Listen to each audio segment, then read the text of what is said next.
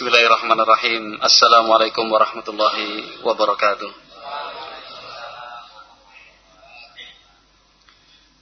Innal hamdalillah nahmaduhu wa nasta'inuhu wa nastaghfiruh wa na'udzu billahi min shururi anfusina wa min sayyiati a'malina.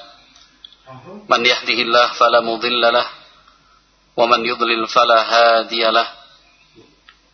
Ashhadu an la ilaha illallah وحده لا شريك له وأشهد أن محمدا عبده ورسوله صلى الله عليه وعلى آله وأصحابه ومن تبعهم بإحسان إلى يوم الدين.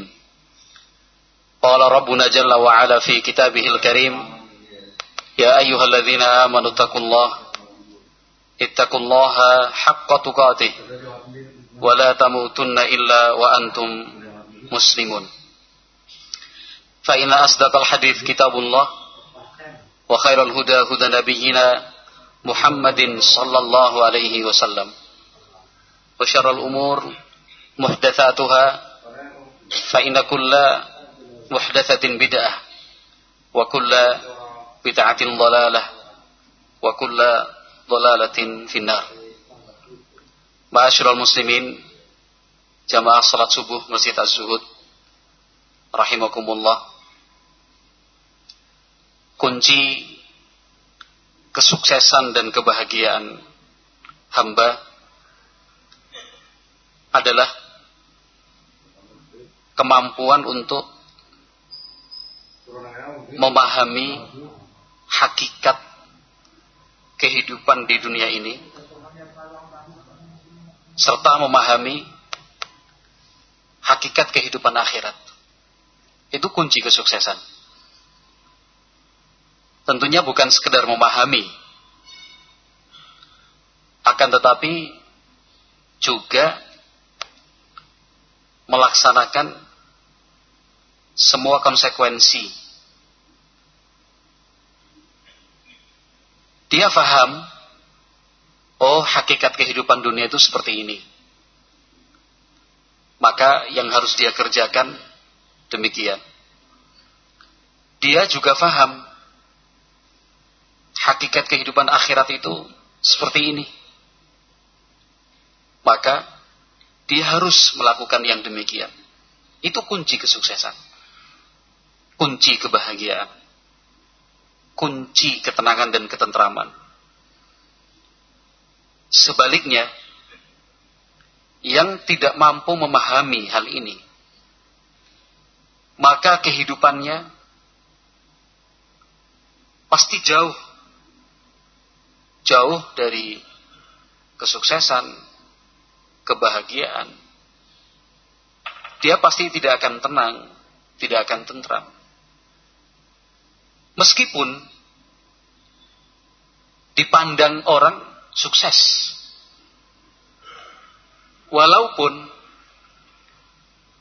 dilihat orang bahagia, tetapi kalau diteliti, teliti, Ternyata itu cuma luarannya saja. Ya. Ketinggalan seneng. Tapi jerone kemerungsung. Ya. Ketinggalan bahagia.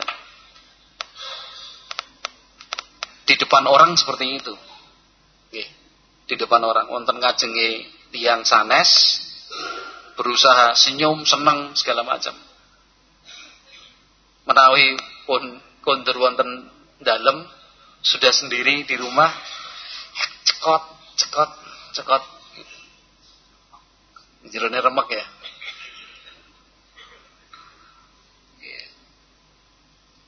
Artinya nggih cuma luaran mawon ketinggalannya aja kelihatannya senang bahagia. Gitu.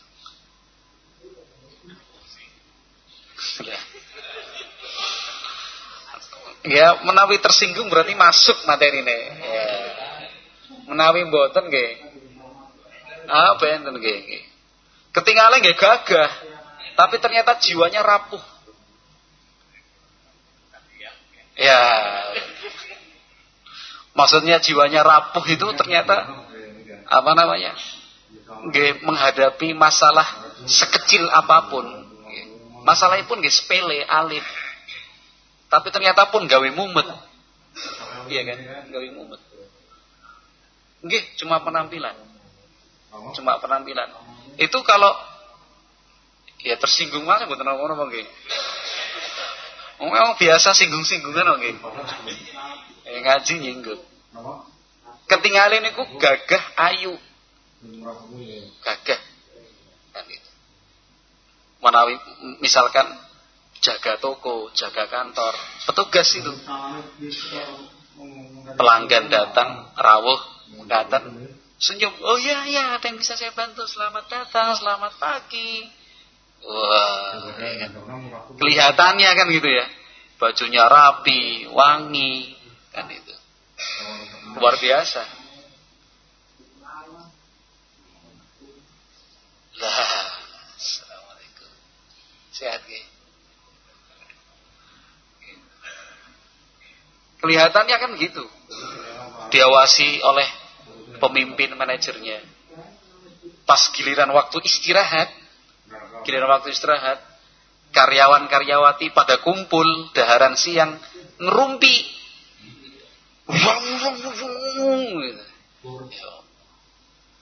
Gitu. Kalau di depan orang tampilannya bagus luar biasa. Tapi kalau sudah di rumah anaknya dibentak-bentak, anaknya dijewer.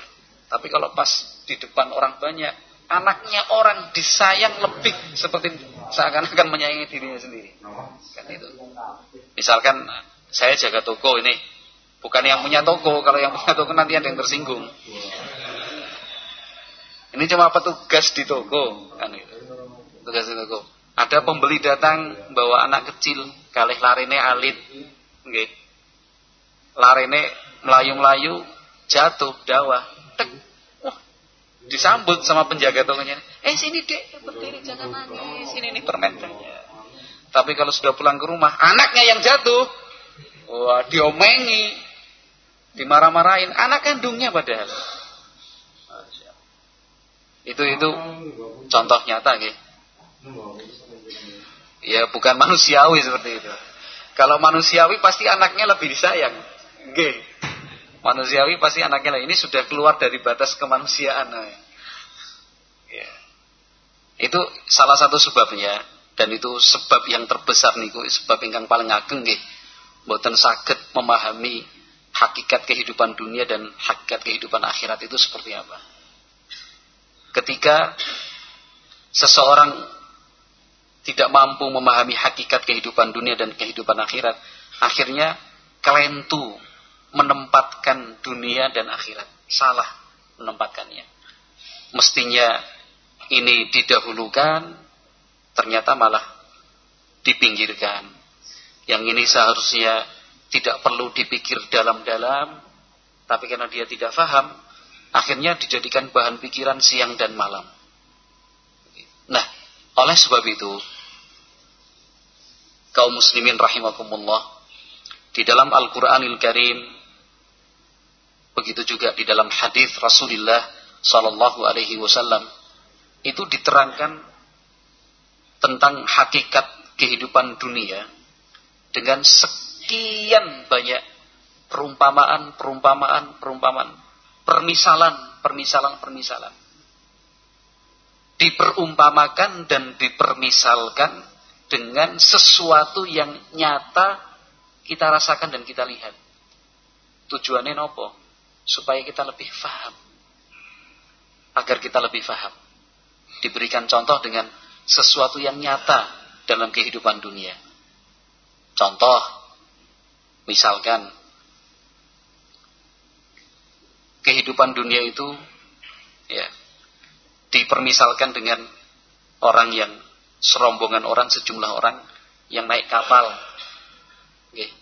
Naik kapal layar besar tujuannya jelas ke kota A misalkan nggih wonten seberang mereka di seberang sanalah tujuan aslinya di sana kampung halamannya di sana sederek pun, Di sana ada kehidupan yang menjanjikan.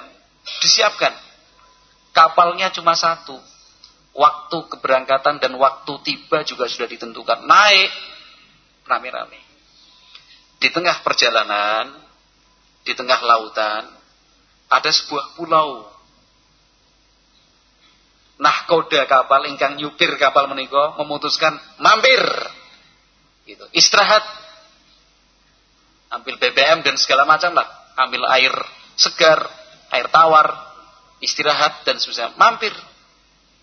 Nah, koda kapal sudah mengumumkan. Kita kita sedaya wonten menika namung sekejap, sebentar. Karena harus melanjutkan perjalanan menuju tujuan aslinya. Yang mau turun silahkan. Tapi ingat, waktunya cuma sekedap wonten mriki. Boten dangu-dangu. Menapa? Karena harus kedah melanjutkan perja perjalanan. Sebagian penumpang yang cerdas ngapain turun? Cuma sedela kok, capek. Kan gitu ya. Ngapain turun? Cuma sebentar kok, paling satu jam, satu setengah jam. Lebih bagus di atas kapal, tidur-tiduran enak. Sambil nunggu kapal melanjutkan perjalanan. Yang lain penasaran. Uh, ketona apik ya pulone kan itu ya. Kesempatan kapan lagi mampir di sini? Turun sebagian. Dari sebagian engkang mandap wonten tiang yang berpikir, ah, saya nggak jauh-jauh lah dari kapal. Yang penting wis turun, yang penting wis mandap. Kan itu. Mbok ketinggalan. Nggak mau ketinggalan. Jadi cuma lihat-lihat pulau gitu. Yang lain ah, penasaran. Kapan lagi kelihatannya di sana indah tuh, bagus. Jalan langkung tebih saking kapal. Yang lain lagi tambah jauh lagi. Ternyata di pulau tersebut bunga-bunganya bagus, buah-buahannya pas sedang musim, burung-burungnya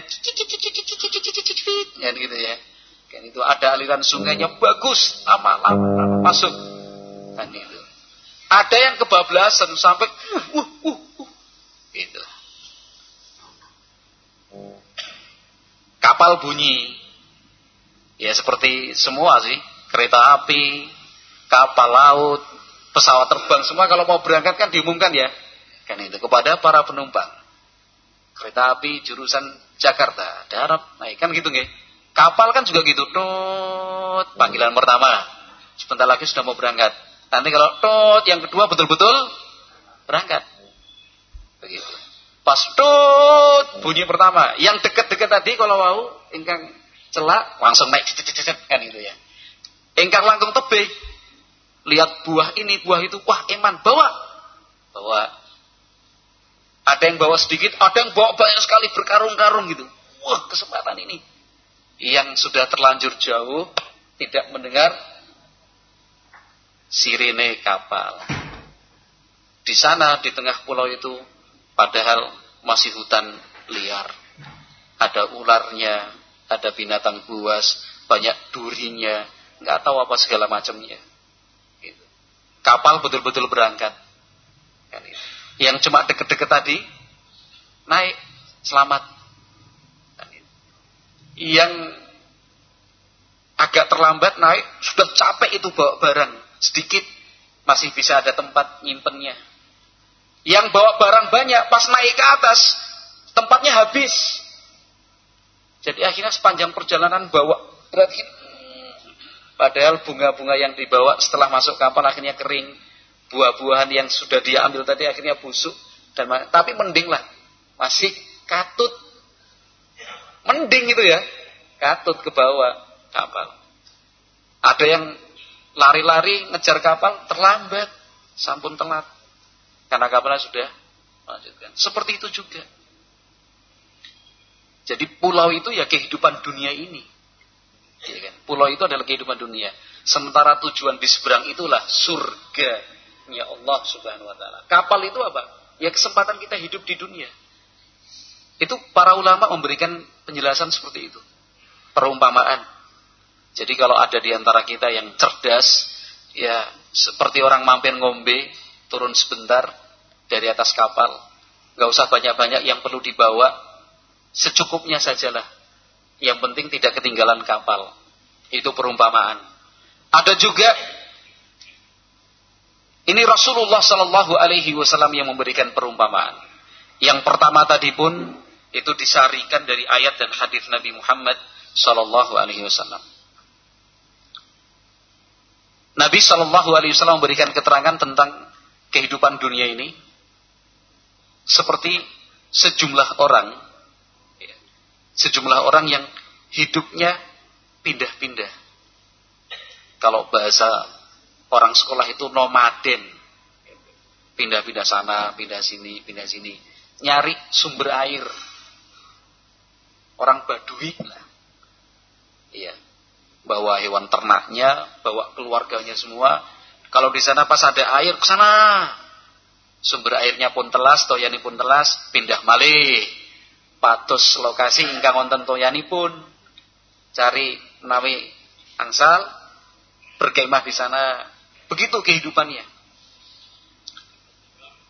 Tempat tinggal nggak punya. Tempat tinggal nggak punya. Pindah-pindah pokoknya anak, istri, hewan ternak, pakaian dibawa semua. Begitu. Sampai suatu saat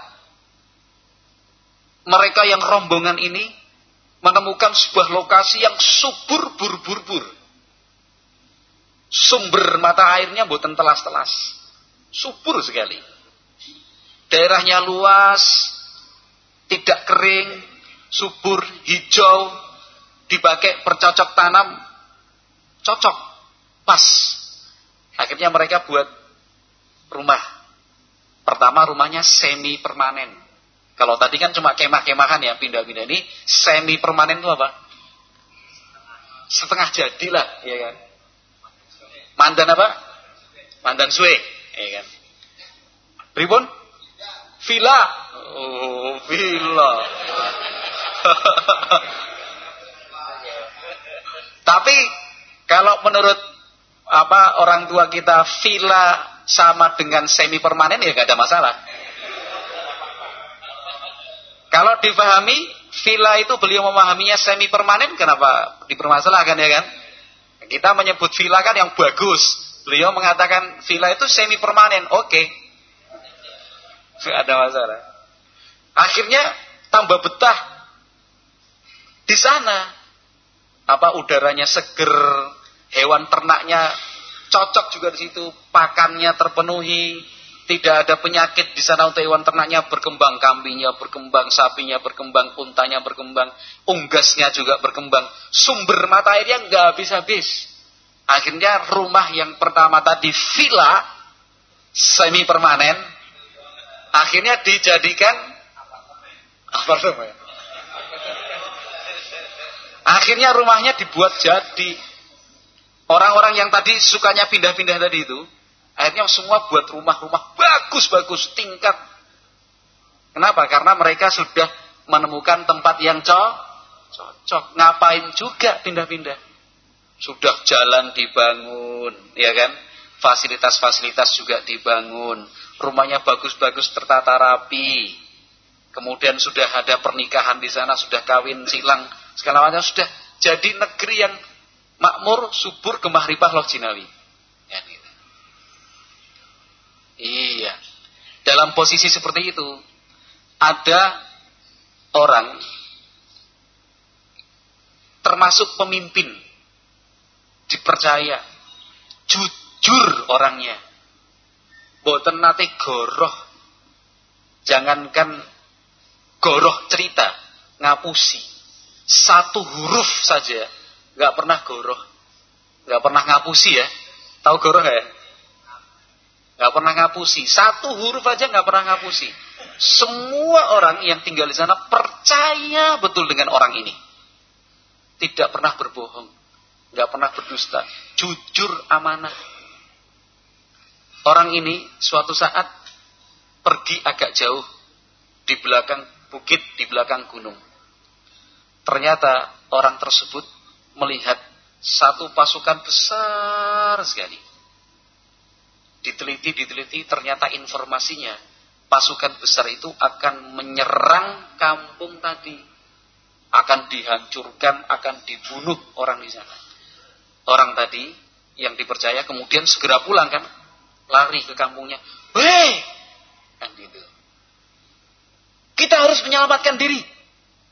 Ini ada pasukan besar mau menghancurkan dan membunuh kita semua. Cepat, kita lari ke atas gunung. Pokoknya bagaimana caranya menyelamatkan diri. Cepat, cepat, cepat, cepat. Kira-kira orang yang tinggal di sana gimana? Abot. Sebelumnya pindah-pindah. Pas dapat tempat yang cocok kok disuruh pergi menyelamatkan diri. Yang cerdas, yang cerdas, akhirnya lari. Harta, benda, rumah, sawah, ternak ditinggal semua. Yang penting selamat. Kenapa? Karena orang yang mengingatkan ini tadi tidak pernah berbohong, nggak pernah berdusta. Kan itu. Yang penting selamat. Kalau seandainya orang ini berdusta, nggak rugi kan? Nanti bisa pulang ke Bali. Tapi yang tidak cerdas, eman lah. Eman eman, kita pertahankan. Padahal pasukannya besar, nggak mungkin melawan nggak ada apa-apanya, mati konyol sudah. Kan. Sebagian lain ragu-ragu, iya enggak, iya enggak, iya enggak.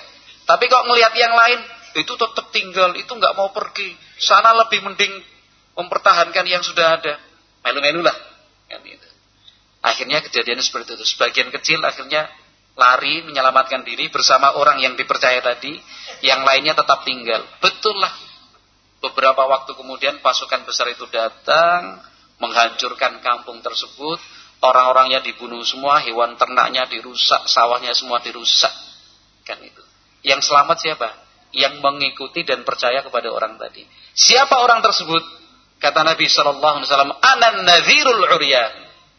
Kata Nabi sallallahu alaihi wasallam, "Sayalah pemberi peringatan itu." Kenapa? Nabi Muhammad gak pernah bohong. Nabi Muhammad gak pernah berdusta, ya kan?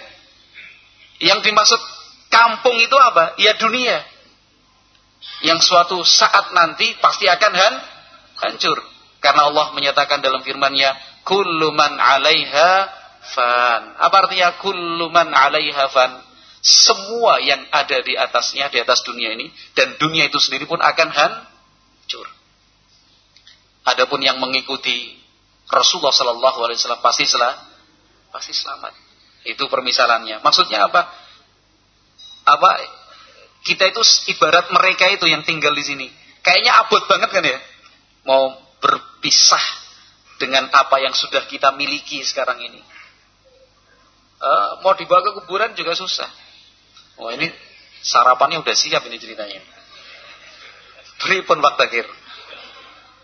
Sudah cukup atau mau dilanjutkan sedikit lagi?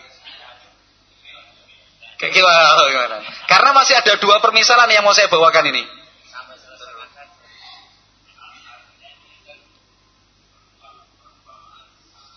Iya, nggih. Iya.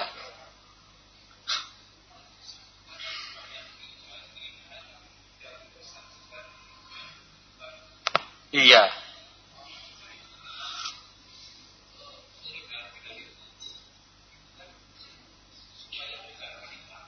Iya, betul. Iya. Boleh. Boleh.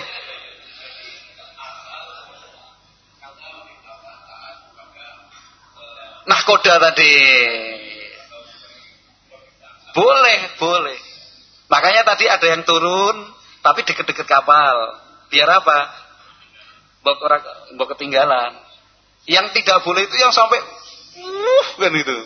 Sampai akhirnya pas saatnya kapal berangkat, ah, udah, Nggak ada.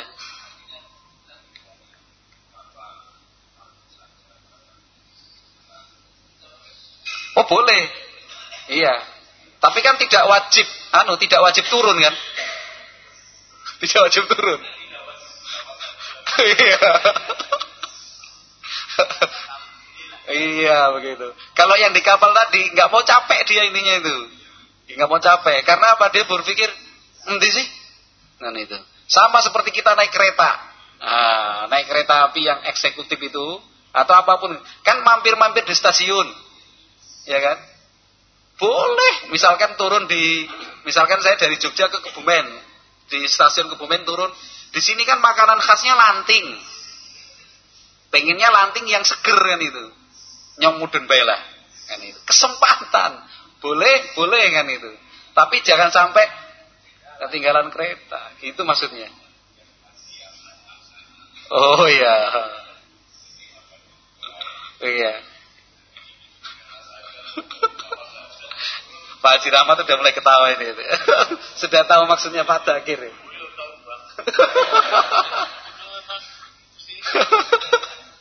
Cuma yang perlu kita pahami Pak Dakir bahwa semua keindahan yang ada di pulau itu bukan semua, memang ada betul. Semua keindahan tanpa terkecuali di tempat tujuan sudah disiapkan berkali-kali-kali lipat. Nah, itu maksudnya. Makanya yang tidak turun tadi ngopo medun. Di sana ya anak kok kan itu. Mau bunga di situ. Di tempat tujuan sudah ada. Maksudnya itu loh Pak.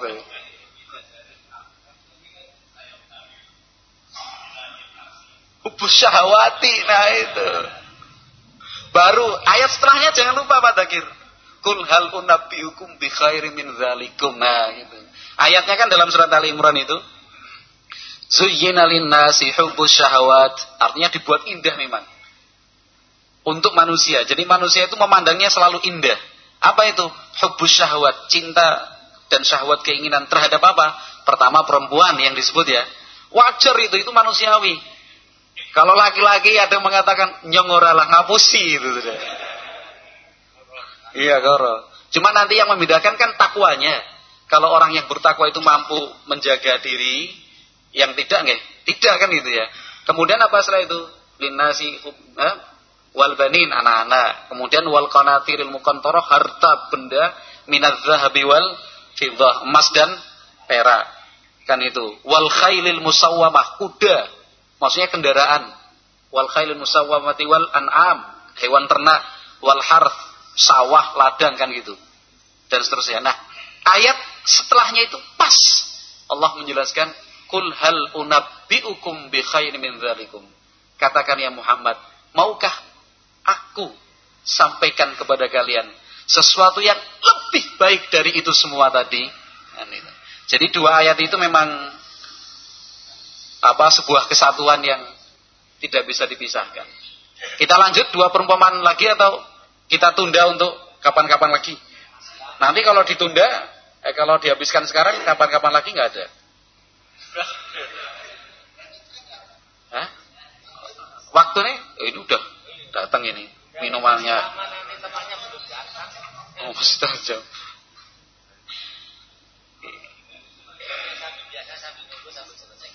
Memang begitu. Oh ya. Karena yang punya hajat sekarang Pak Pak Dakir ini.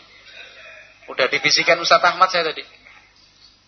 Ya, permisalan yang ketiga. Permisalan yang ketiga. Ini permisalan yang saya sebutkan 1, 2, 3, dan 4 nanti itu dijelaskan oleh Imam Ibnul Qayyim Al-Jauziyah dalam kitab beliau Uddatus Sabirin. Sekarang perumpamaan yang ketiga. Perumpamaan yang ketiga itu seperti dijelaskan oleh Ibnu Qayyim Al-Jauziyah rahimahullahu taala seorang raja. Raja ini baik hati, dermawan sekali. Sang raja membangun sebuah kompleks istana.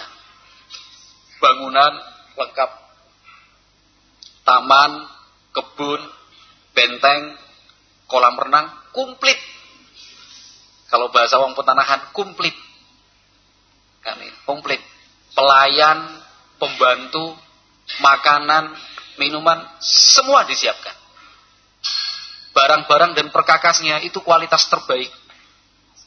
Aksesorisnya jan top nomor siji. Ya, di toko bangunan Pak Rahmat gak ada. Saking topnya kan gitu ya.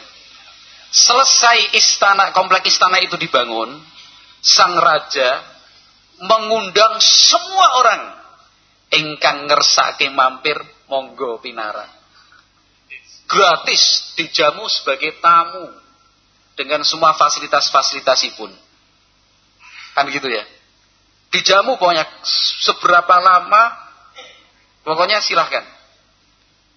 Nah, yang kemudian datang bertamu itu kalau kita golong-golongkan itu ternyata cuma dua. Satu tamu yang tahu diri, yang sopan. Toto kromonya mantap. Ada tamu yang tidak tahu diri. Kan gitu. Tidak memperhatikan toto kromo. Tamu yang tahu diri, yang faham toto kromo, itu masuk ketika sudah mulai masuk jalan ke komplek istana disambut oleh pelayan-pelayan monggo monggo disambut dengan baik dengan hangat setelah masuk komplek istana sama pelayannya itu yang bagian penjaganya ditunjukkan ini kamarnya ini untuk ini diterangkan itu semuanya panjenengan untuk istirahatnya sudah disiapkan ini ruangan buat panjenengan. Silahkan masuk. Kalau tamu yang tahu diri dan faham toto kromo, manut napa mboten? Manut, derek pokoknya. Oh nggih, ini tempat saya. Iya. Oh gratis kok. Dilayani. Setelah sampai di sana, di dalam ruangan itu disiapkan bantal, karpet, spray, tempat tidur, tukang pijat, Disiapkan semuanya, ya kan? Setelah itu makanan dihidangkan, minuman dihidangkan, makanannya komplit. Makanan yang enak-enak, minumannya yang enak-enak. Sendok, garpu, gelas, piringnya itu terbuat dari bahan-bahan yang mahal sekali. Yang mahal sekali. Tamu yang tahu diri itu akan makan dan minum seperti yang disiapkan dan dihidangkan, ya kan? Dia akan menjaga barang-barang yang ada di sana. Dia tidak akan merusaknya. Apalagi berpikir untuk mencurinya, membawa pulang. Enggak pernah berpikir seperti itu. Kenapa? Karena dia sadar. Piyambai pun sadar bahwa sedoyo ingkang wonten meriku kagungane sinten? Kagungane raja. Bukan kagungane piyambai pun. Jadi dia selama di sana cuma makan minum sampai selesai pulang. Melanjutkan perjalanan. Ini yang berikutnya yang datang engkang apa salah pun ini tamu yang buatan kertas toto kromo ini. Nggak paham ini. Sudah masuk komplek istana sudah gini dia.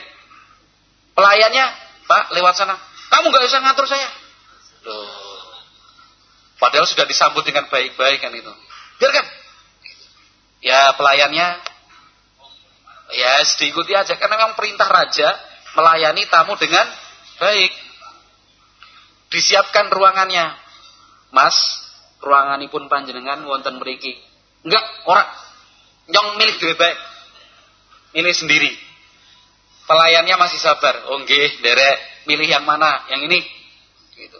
Itu matanya udah melotot gini nih. Begini. Kayak kamu nggak ngerti tata krama gitulah. Matanya melirik sana, melirik sini. Makanan dihidangkan, minuman dihidangkan, Tamu yang tidak tahu diri akan berkata, cuma ini makanannya. Yang lain mana? Jangan-jangan di dapur masih ada. Kok kayak gini aja? Ini tamu yang tidak tahu diri. Kan itu. Ditok namani. Dan seterusnya. Itu pelayan masih setia melayani. Si tamu mulai berpikir jelek ini. Wah, ini kalau istana semua ini bisa saya miliki, Wah, mantap ini. Iya, pertama sih cuma ngambil sendok sama garpu karena terbuat dari bahan mahal. Diambil, masukkan di kantong. Set. Padahal raja tahu loh ini. Apa yang dia kerjakan raja tahu. Raja punya apa namanya mata-mata punya GTV segala macam kan ya. Iya rajanya tahu tapi rajanya baik hati, rajanya dermawan. Melihat menyaksikan tamunya tidak tahu diri seperti ini, tetap diperintahkan untuk dilah yakni mulai ngambil barang-barang ada yang disembunyikan masukkan di kantong celana, kantong baju, segala macam itu.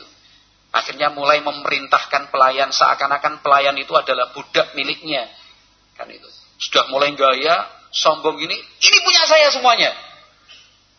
Dalam posisi seperti itu oleh sang raja diusir dengan cara yang kasar, dihina dan direndahkan serendah-rendahnya. Kata sahabat Abdullah bin Mas'ud radhiyallahu taala kata beliau, kullu ahadin fi hadhihi dunya dhaifun wa dhaifu murtahilun. Kata beliau rahimullah semua orang yang hidup di dunia ini statusnya hanya tamu. Yang namanya tamu mau tidak mau harus melanjutkan perjalanan perjalanannya yang digunakan oleh tamu itu cuma pinjaman yang tidak akan dibawa pergi. Begitu juga kita di dunia ini. Seorang hamba sebagai tamu yang tahu diri, dia akan tunduk taat dengan aturan yang sudah ditetapkan oleh Allah Subhanahu wa taala, raja, penguasa seluruh alam semesta ini. Allah kan menciptakan dunia ini seperti sang raja tadi menciptakan apa? Membangun istana lengkap dengan fasilitasnya. Kan itu. Kalau hamba yang tahu diri, yang beradab dan mengerti tata krama, itu dia akan makan, minum, hanya makanan dan minuman yang dihalalkan oleh Allah Subhanahu wa taala. Dia ngikut pokoknya. Dia tidak berpikir untuk memiliki dunia ini.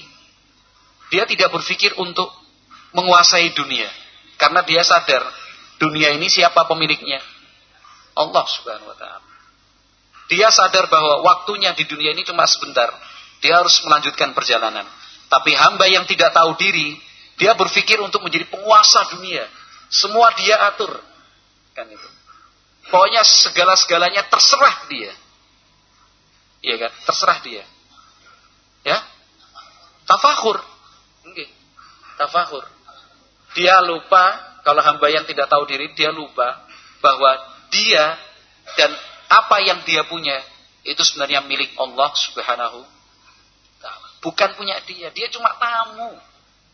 Sekarang panjenengan kalau misalkan kedatangan tamu, terus tamunya ngambil barang yang ada di ruang tamu marah atau mboten? Hah? Banget ngambil barang ini, padahal cuma tamu loh itu. Jam dinding bagus, uh, dari Jerman ambil ya kan. Aksesoris apa? Masukin kantong, pakai tas ransel segala macam ini. Ini tamu yang tidak tahu diri. Nah kita termasuk tamu yang tidak tahu diri apa tamu yang tahu diri? Kalau kita, kita maksudnya.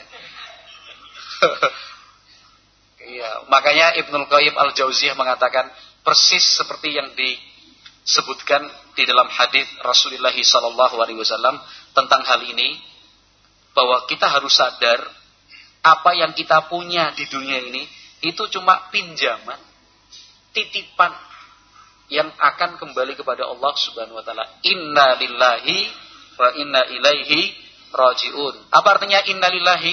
Sesungguhnya kita adalah milik Allah. Apa yang kita punya juga milik Allah wa inna ilaihi rajiun dan sesungguhnya kita semua pun akan kembali kepada Allah Subhanahu wa taala. Ceritanya tentang Ummu Sulaim sudah pernah kita bahas. Ya kan?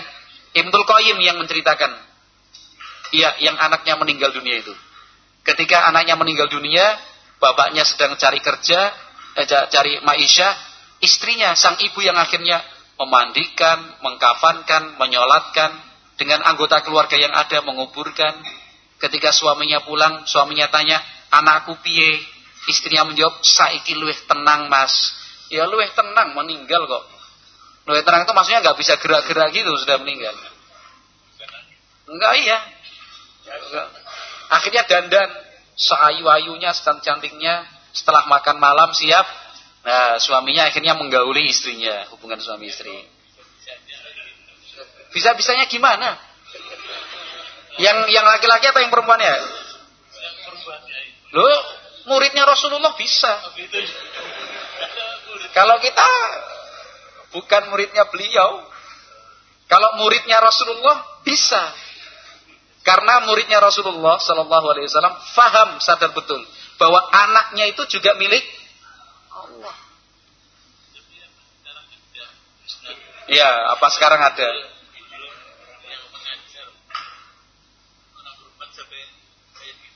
Ya mudah-mudahan, ya mudah-mudahan ada lah.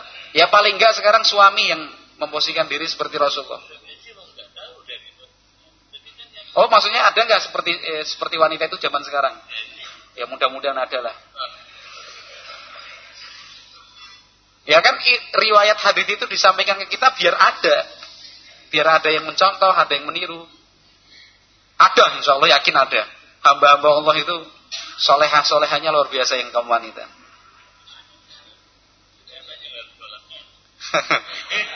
Nek anak Arab tulan ngana. Masih belum terlambat apa?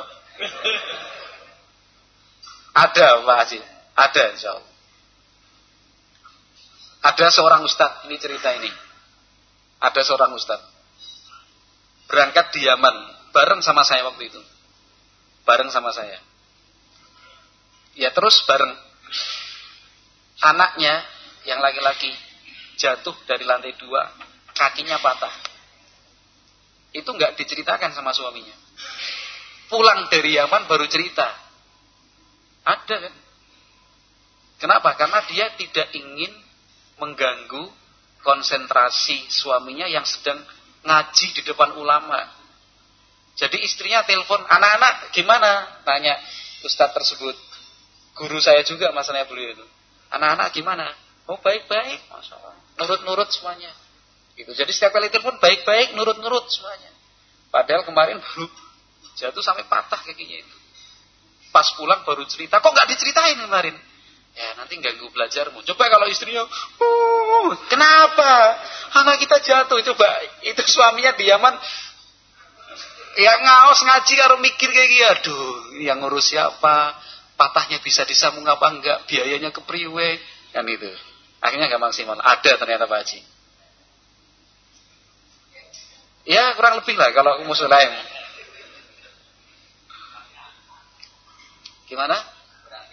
Iya, ada, ada. Maksudnya ada seorang istri yang seperti itu, tidak mau apa namanya? E, tidak cengeng begitulah ya. Kan sampai akhirnya ada percakapan seperti itu. Ummu Sulaim kan tanya sama suaminya, sudah selesai itu kan malam itu, suamiku. Misalkan ada orang iya nitipkan barang. Nitipkan barang ke sebuah keluarga. Ini titip ya, tolong dijaga. Oh iya, siap katanya. Berapa waktu kemudian orang yang punya barang itu datang mengambil titipannya.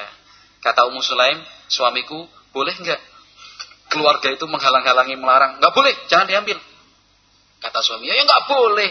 Ah, itu juga anak kita itu juga titipan dari Allah, sudah diambil kembali sama yang menitipkannya. Ya sama seperti tamu tadi. Sama seperti tamu tadi. Tamu itu ketika datang berkunjung dilayani, diservis di istana tersebut, dia statusnya cuma tamu. Dia diperbolehkan untuk pakai piring, pakai gelas, pakai kamar mandi, pakai kasur, pakai handuk, boleh. Tapi iya, ikut aturan dan kalau pas melanjutkan perjalanan jangan dibawa pulang, jangan dibawa pergi. Begitu. Ya kehidupan dunia juga seperti itulah. Insya Allah kalau apa dengan perumpamaan-perumpamaan seperti ini, akhirnya kita akan terbantu. Terbantu untuk apa? Untuk memahami kehidupan dunia, kehidupan akhirat. Jadi bukan jenengan jangan cuma apa mendengarkan aja terus hilang maning aja lah. Tapi terus dipulang itu pulang itu sambil berpikir iya ya.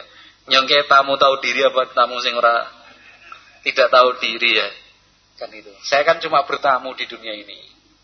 Semuanya sudah diberikan Allah difasilitasi silahkan makan, silahkan minum, silahkan tinggal, silahkan pakai pakaian, silahkan punya istri, silahkan punya anak, silahkan bekerja kan itu. Tapi ingat kamu di sini cuma tamu. Nanti akan datang saatnya yaitu ajalmu. Kamu mau tidak mau harus melanjutkan perjalanan. Kan itu. Maka ya dipersiapkan sebaik-baiknya. Oh iya sama sama. Gimana? Itu termasuk yang tidak tahu diri itu. Iya, tidak tahu diri.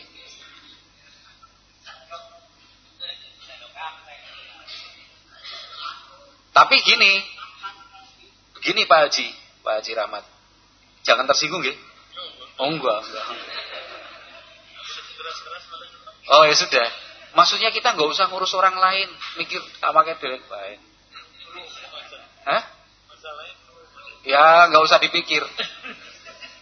Karena apa? Masing-masing kan yang mempertanggungjawabkan dirinya sendiri. Maksudnya gini, itu koruptor berarti tidak tahu diri ya. Itu pencuri tidak tahu diri ya. Sana tidak tahu diri ya. Jangan sampai kita lupa pada diri sendiri. Harusnya nyong priwe ya.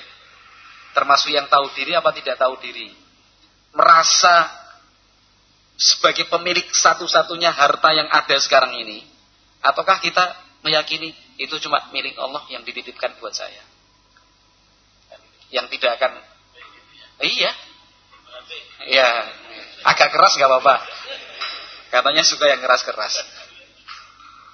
Oke, gitu. Ini perumpamaan yang terakhir singkat saja ya. Ya, biar genap empat. Keempat-empatnya diceritakan Ibnu dalam kitab Udatus Sabirin. Yang keempat itu juga diambil dari sebuah hadis Rasulullah Sallallahu Alaihi Wasallam. Kemudian diterangkan Ibnu Qayyim. Kata Ibnu Qayyim perumpamaan dunia itu seperti seorang raja yang mendirikan sebuah negara.